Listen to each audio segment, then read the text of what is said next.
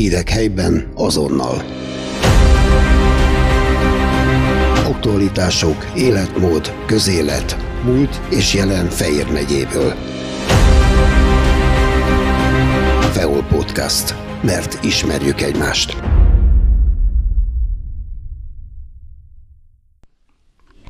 Szabó Miklós 1985-ben érettségizett Székesfehérváron a Teleki Blanka gimnáziumban.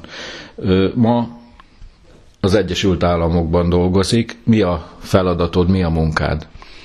Én egy ö, nagy nemzetközi cégnél dolgozok, aki, ami a humán diagnosztikai területre fejleszt és árul különböző készleteket, és azon belül, ami mondhatom úgy, hogy a specialitásom, tehát az a terület, az a kardiomarkerek és az Alzheimer diagnosztika. Szóval a terület az humán diagnosztika. Főleg vérből, vérből humán diagnosztika, in vitro diagnosztika, ha szükséged van több specifikációra. Az Alzheimerről egyre többet tudunk, vélem azt, hogy te még annál is többet. Mit lehet tudni, milyen irányba folynak most a kutatások? Most ugye az én területem az a diagnosztika, tehát a, az Alzheimer kutatásokat főleg három részre lehet osztani. Megérteni azt, hogy mitől, hogy alakul ki a betegség, a másik dolog az, hogy hogy lehet gyógyítani, vagy lassítani a betegséget. A harmadik véleményem szerint az egy kisebb és kevésbé lényegesebb terület, hogy hogyan lehet diagnosztizálni a betegséget, illetve hogy lehet előre diagnosztizálni, hogy kik a, a rizikós csoportok. Tehát ezen a három, ter, három, terület, három fő terület, én, én a diagnosztikai területről tudok, ahogy említetted, egy kicsit többet talán. Talán nyílik egy kicsit az olló. Mi, hogyan látjátok, hogy kik a legveszélyeztetettebbek? Hát ugye ez egy nagyon jó kérdés. Véleményem szerint mindenki veszélyeztetett. Tehát ahogy a, a, az, az emberek egyre tovább-tovább élnek, ma még nem, nem lehet azt tudni, hogy mi, nem lehet eldönteni, hogy mi alapján lehet kalkulálni, hogy kik, kik a veszélyeztetettebb csoportok. Valaki vélemény szerint a nők egy kicsivel jobban, valaki szerint kevésbé jobban. Ugye hát ez a betegség az idősebb korosztálynál jön főleg ki, de én, én véleményem szerint még a, a a kutatások nem állnak ott, hogy, hogy erőleg, erőleg ki lehessen jelenteni, hogy ez a csoport, ez a csoport, ez a csoport a rizikója nagyobb, mint a, mint a többinek. De alapvetően öröklődő, genetikai a háttér? Én, én azt hiszem, vannak olyan genetikai típusok, altípusok az emberek között, akiknél ez a, a rizikó nagyobb. Én most nem akarok belemenni az ilyen tudományos fejtegetésbe, és melyik, milyen markerek, és melyik az, de, de vannak olyan kutatások, amelyek kimutatták, hogy bizonyos genetikai típusú embereknél a rizikó nagyobb. Tehát igen, lehet mondani, hogy vannak, de nagyon-nagyon-nagyon koraiak ezek a, ezek a kutatások. Tehát genetik, genetikai markerek, genetikai jellemzők alapján egyelőre nehéz megmondani, hogy kinél fog, kinél nem fog kifejlődni. Én úgy olvastam, hogy egyre többen betegednek meg Alzheimer korban. Meg tudod ezt erősíteni, és mi lehet ennek az oka? É, meg tudom erősíteni, tehát különböző kimutatásokat lehet olvasni, hogy 10 év múlva, 20 év múlva 50-100 milliós populációnak populáció lesz, aki, aki szenvedettől a kortól, de, de itt mindig nagyon érdekes dolog az, hogy egyre több és több lesz. Ez most azt jelenti, hogy egyre több és több beteg lesz, vagy egyre jobbak a diagnosztikai módszerek.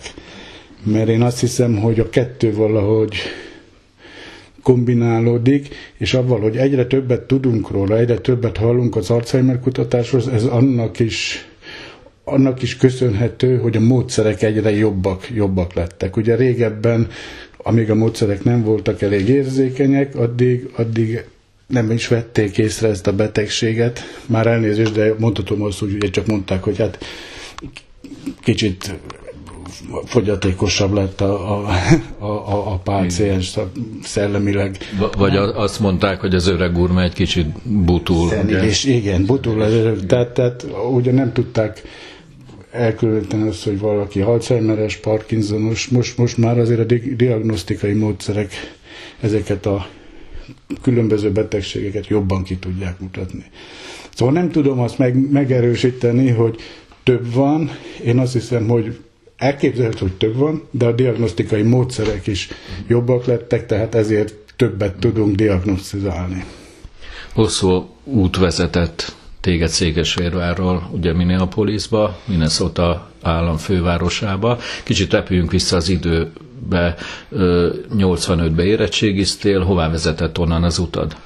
Ugye 85 és 86 között katonaság volt az egyetem előtt, ahogy ez abban régi rendszerben ment, akkor egy évet Szexárdon szolgáltam, majd a Veszprémi Egyetemen, Végeztem 1991-be, és ha jól emlékszem a dátumra, 2007-ben kaptam az első külföldi munkahelyemet, az, az, az egy japán diagnosztikai cég volt Írországban, hat évet töltöttünk el Írországba, és utána költöztünk ki az, az USA-ba, tíz, pont, pont tíz évvel ezelőtt. Igen, de én emlékszem arra, hogy a Budapesten a Központi Fizikai Kutatóintézetben is eltöltöttél egy jó néhány évet. Igen, tehát az a, az a magyarországi 91-ben végeztem az egyetemet, és 2007 között a központi fizikai területén működő izotópintézetbe, illetve, illetve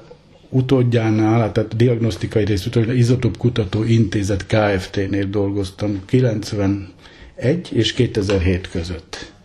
Ez régi szerelem volt a vegyipar, a kémia, a, a tudomány? Hát a kémiát mindig is szerettem. Kémiát és a, a matematikát, fizikát is, a természettudományok közel álltak hozzám. Én azt hiszem, hogy igen, hogy, hogy mindig vegyész akartam, vegyész akartam lenni, hogy, hogy miért éppen a diagnosztika területére sorult, ez, a, ez egy véletlennek köszönhető, szerintem. Tehát amikor elvégeztem az egyetemet, az Izotóp intézetnél kaptam munkát, és ott, ott kezdtem el végül is ezeket a diagnosztikai fejlesztéseket, illetve a diagnosztika területéről származó tudást gyűjteni.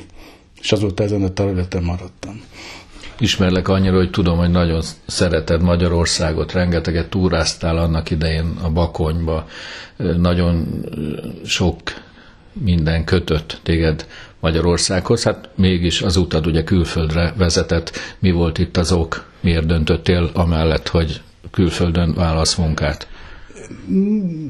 Tehát sem, semmilyen hátrányos dolog nem ért Magyarországon. Itt, itt tényleg egy dolog, egy dolog játszott közrebb, hogy, hogy olyan 10-15 év után egy szakmai, szakmailag előre szerettem volna lépni, és, és, és, és volt egy olyan szerencsés szituáció, eset, amikor, amikor egy másik japán céghez tudtam költ, menni dolgozni, és, és, és innen már, hogy mondhatnám úgy is, hogy a kényszerpályán voltam, tehát akkor mindig kaptam, kaptam más ajánlatot, és, és, és azt, azt követtem tovább. Most egyébként most is szeretem Magyarországot, és most is szeretek ma Bakonyba túrázni, a Börzsönybe, tehát mindenhol, tehát nem, nem, itt tényleg csak a szakmai kihívás, kihívás miatt, és a szakmai fejlődés eh, miatt költöztünk ki Magyarországról. És így most úgy gondolod, hogy helyes döntés volt ez? Én, én azt hiszem, igen.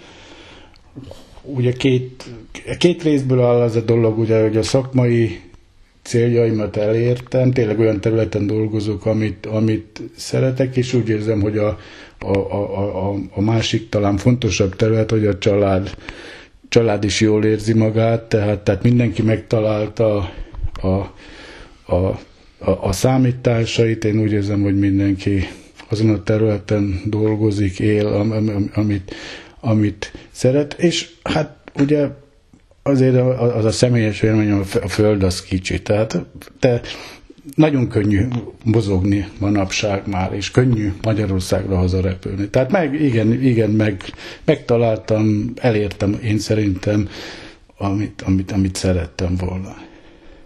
Hogyan sikerült beilleszkednetek Minneapolisba? Hát ez, ez ugye hat évet töltöttünk Írországba, és utána most már tíz éve költöztünk az Egyesült Államokba. Én nem éreztem soha azt, hogy valakitől negatív negatív megjegyzést kapja, vagy negatív érzést táplált volna felém, amiatt, hogy, hogy Európából jöttem, hogy, hogy, hogy, hogy Kelet-Európából jöttem, hogy Magyarországról jöttem. Inkább, inkább, mikor megtudták, hogy nem vagyok amerikai, érdeklődés, érdeklődés merült fel, hogy hogy élünk, mit élünk. Sőt, olyan kollégáim is vannak, akiknek már a, a kötelező étellistát össze kellett állítani, és hogy hova menjenek, és voltak is Magyarországon, és nagyon tetszett nekik, tehát hogy mit tegyenek, hol legyenek, mit tegyenek, mit kóstoljanak meg, úgyhogy, úgyhogy, úgyhogy tényleg nem, nem, semmilyen, semmilyen negatív élmény nem ért ebbe az utóbbi 15-16 évben, amíg, amióta elköltöztünk Magyarországra. Mindenhol hogy, befogadtam. Hogyan telnek a mindennapjaid a kutatás és a napi munka mellett? Hát ö, ö, naponta olyan 8-10 10 órát dolgozom, ahol átnézem a cégeket, a, a, a, a legújabb mérési eredményeinket, Amúgy élem szerintem az amerikai hétköznapokat, tehát utána pihenés, sport, kirándulunk, nagyon szeretem látogatni és a, a, a, a nemzeti parkokat, az amerikai nemzeti parkokat, tehát, tehát megpróbáljuk, megpróbálom úgy csinálni, hogy igen, dolgozok, de is utána, utána jön a pihenés, megpróbál relaxálni, megpróbálom úgy 55-56 évesen élvezni az életet. úgy tudom, hogy nagyon szeretsz kerékpározni. Igen, igen, igen, igen, az a, az, a, az egyik fő sportom mostanában. Nagyon so, sokat futottam régen, de egy, idő, egy nap, eljött egy nap, amikor nem élveztem, és, rá, és kerestem egy új sportágat, az a, az a kerékpározás. Úgyhogy van egy nagyon jó kerékpárom, egy nagyon jó országúti kerékpárom, úgyhogy olyan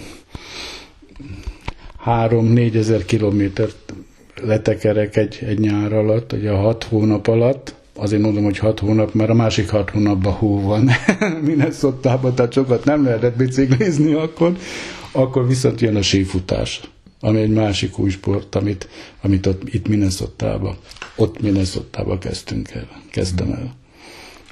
Két leányod is ö, sikeres pálya előtt áll, vagy már talán el is kezdték ezt a bizonyos pályát, kérlek mesélj róluk. Hát ugye nagyobbik lányom Réka, ő, ő Chicagóba fejezte be az egyetemet, és most a, a Yellowstone Nemzeti Park egyik ilyen alapítványánál dolgozik, mint, mint, mint designer, nagyon-nagyon szereti, nagyon örül, mikor kell látogatni a Nemzeti Parkot. A kisebbik lányom Kinga, ő, ő most ő fejezte be a második évet a, a Wisconsin Egyetemen, ő jobban a természettudományok felé hajlik, tehát környezetkémia, kémia területen fog remélem sikeres lenni, illetve hát remélem, hogy a pályájával boldog lesz. Te a saját pályádat hogyan látod, hány év van még benned? Hú, ez egy nagyon nehéz kérdés. Ez egy nagyon jó kérdés, nagyon nehéz kérdés. Én, én Szerintem még egy 10-15 év aktív munka van bennem. Feleségem szerint jobb lenne, ha kevesebb, mert akkor többet tudnánk pihenni. És én, én utána is tervezem azt, hogy esetleg ilyen apróbb projektekbe közreműködni. Tehát nem szeretném úgy hirtelen befejezni ezt a, ezt a kutatást. Ugyan a mindennapi munkából szeretnék majd kiszállni, de, de azért egy-két érdekesebb területet szeretném szeretnék folytatni. Tehát én szerintem még olyan 10-15 biztos van előttem, és akkor utána hát majd meglátjuk, hogy a nyugdíjas éveimben mit kell, mit lehet csinálnom. Tehát annak idején a Teleki Blanka gimnáziumban érettségiztél, hogyan, milyen érzésekkel emlékszel vissza arra az időre? Hát én, én nagyon jó emlékeim vannak a gimnáziumi évekről, és hát, amit főleg a, a gimnázium osztálytársaimnak követ, köszönhetek, ugye nagyon sok, sok kamaszkori hát hogy mondjam finoman, huncutságot elkövettünk, az első, első, első szerelmek, az első házi bulik, az első éjszakákon át tartó beszélgetések, kamaszkorik problémák megvitatása, és néha egy kicsit több, kicsit több, első bulizások. Én, én, én azt hiszem, hogy nagyon sok mindent összeszedtem ott az osztálytársaimról, és, és hát azért volt két, két, két olyan tanárunk, akire nagyon szívesen emlékezek, az egyik ugye az, az, az Rimele Géza volt, aki volt az első osztályfőnök, főnököm. Igen, itt most közbevettem, hogy Orbán Viktor miniszterelnöknek is ő volt az osztályfőnöke előttünk négy évvel. Igen, és, és, és ugye én, én matematikából még nagyon sokat tanultam, Torma Károly, egy nagyon aranyos hölgy, hát abban a korban nekem néni, néni, néni volt, tehát egy, egy, az a két pedagógus úgy, úgy, úgy, úgy, úgy, úgy bennem maradt. Illetve még ha megtudnám a Hortobágyi tanárot, akinek már nagyon sokat fociztunk, ő volt a torna tanárunk, nagyon, nagyon hát hogy mondjam, közösségformáló, közösségformáló egyéniség volt. Székesfehérvár hogyan maradt meg emlékeidben a város? Most meglátogattad esetleg?